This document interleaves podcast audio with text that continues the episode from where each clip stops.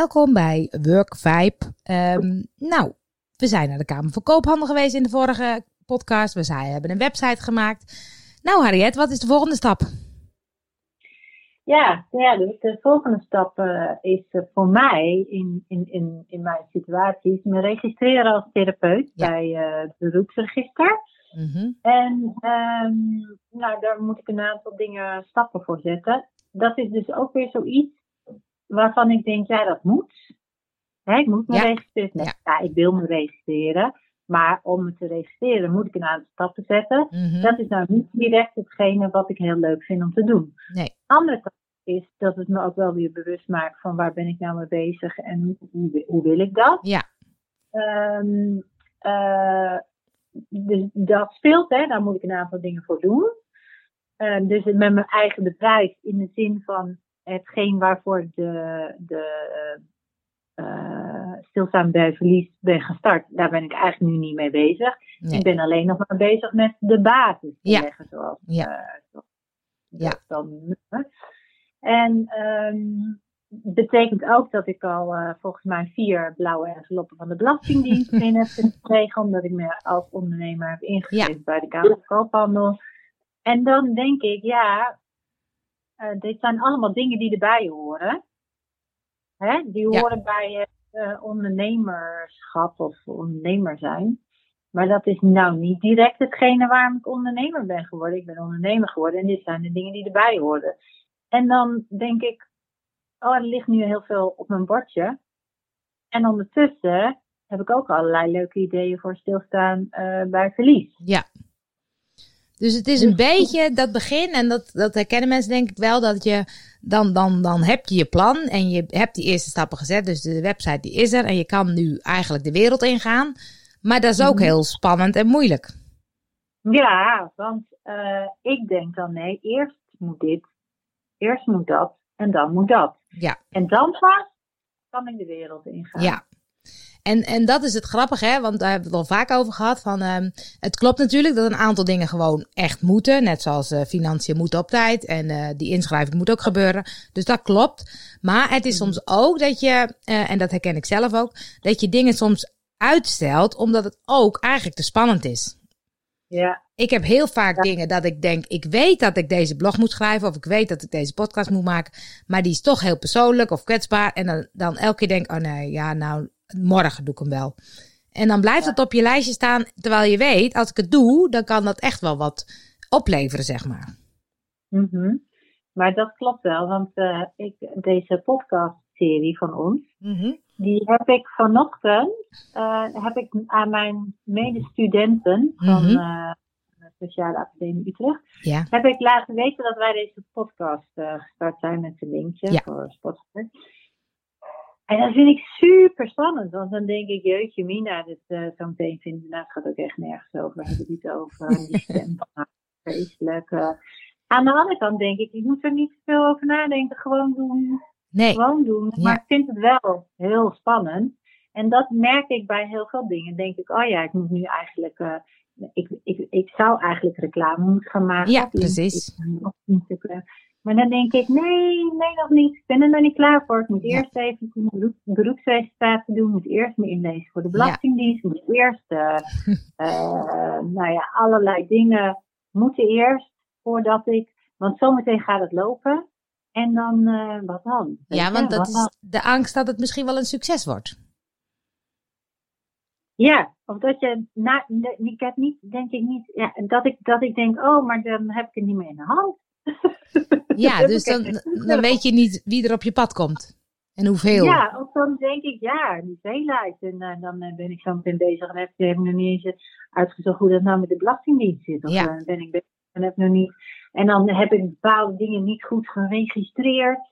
Ja. En dan krijg ik zo meteen een probleem met de Belastingdienst. Of ik noem maar wat.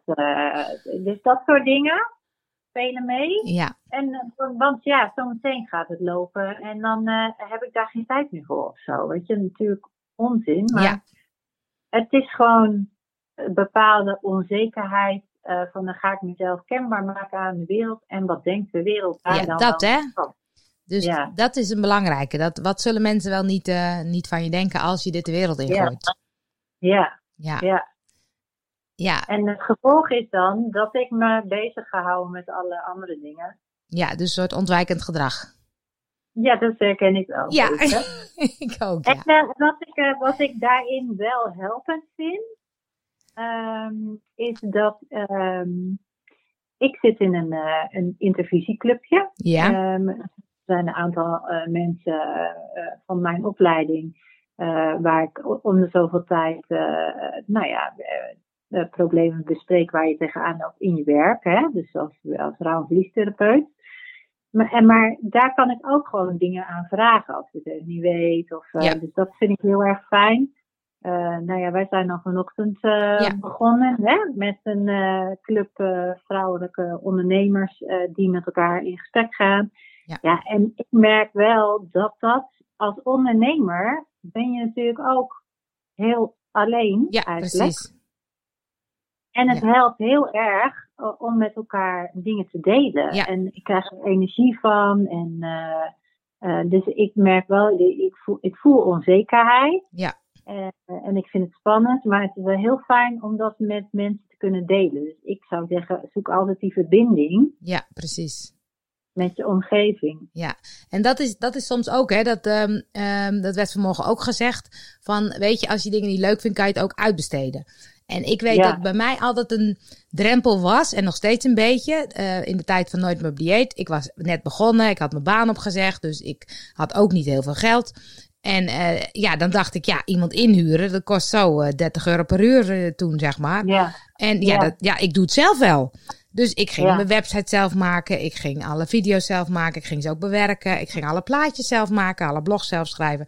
Dus terwijl ik denk, als ik wat dingen had uitbesteed, had ik veel meer, kunnen richten op het stuk coaching, het stuk groepstrainingen.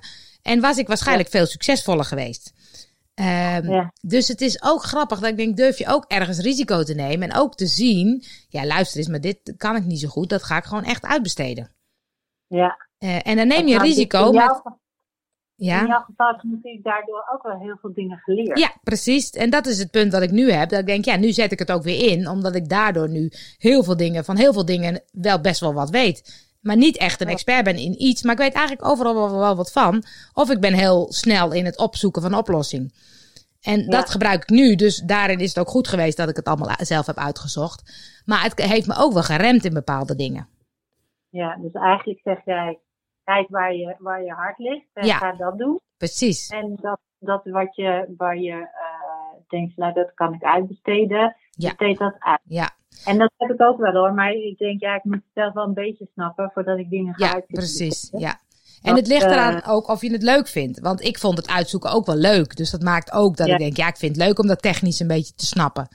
Maar als Ja. iemand zegt, joh, ik weet helemaal niks van website, ik wil het helemaal niet weten, ja, dan moet je het misschien ook niet gaan leren. Nee. Nee, en, ik, en in mijn geval denk ik, die website, dat vind ik wel echt wel leuk om me daarin te verdiepen. Ja, Omdat ik ook wel weet hoe ik het wil hebben. ja, Maar precies. bijvoorbeeld een blauwe envelop en belasting en financiën. Nou, ik krijg, ik krijg er wel warm van als Ja. ik, als ik zo op de- op de mat zie liggen. Dan denk ik, oh, ik doe vast iets verkeerd. Ik doe iets verkeerd. Ja. iets verkeerd.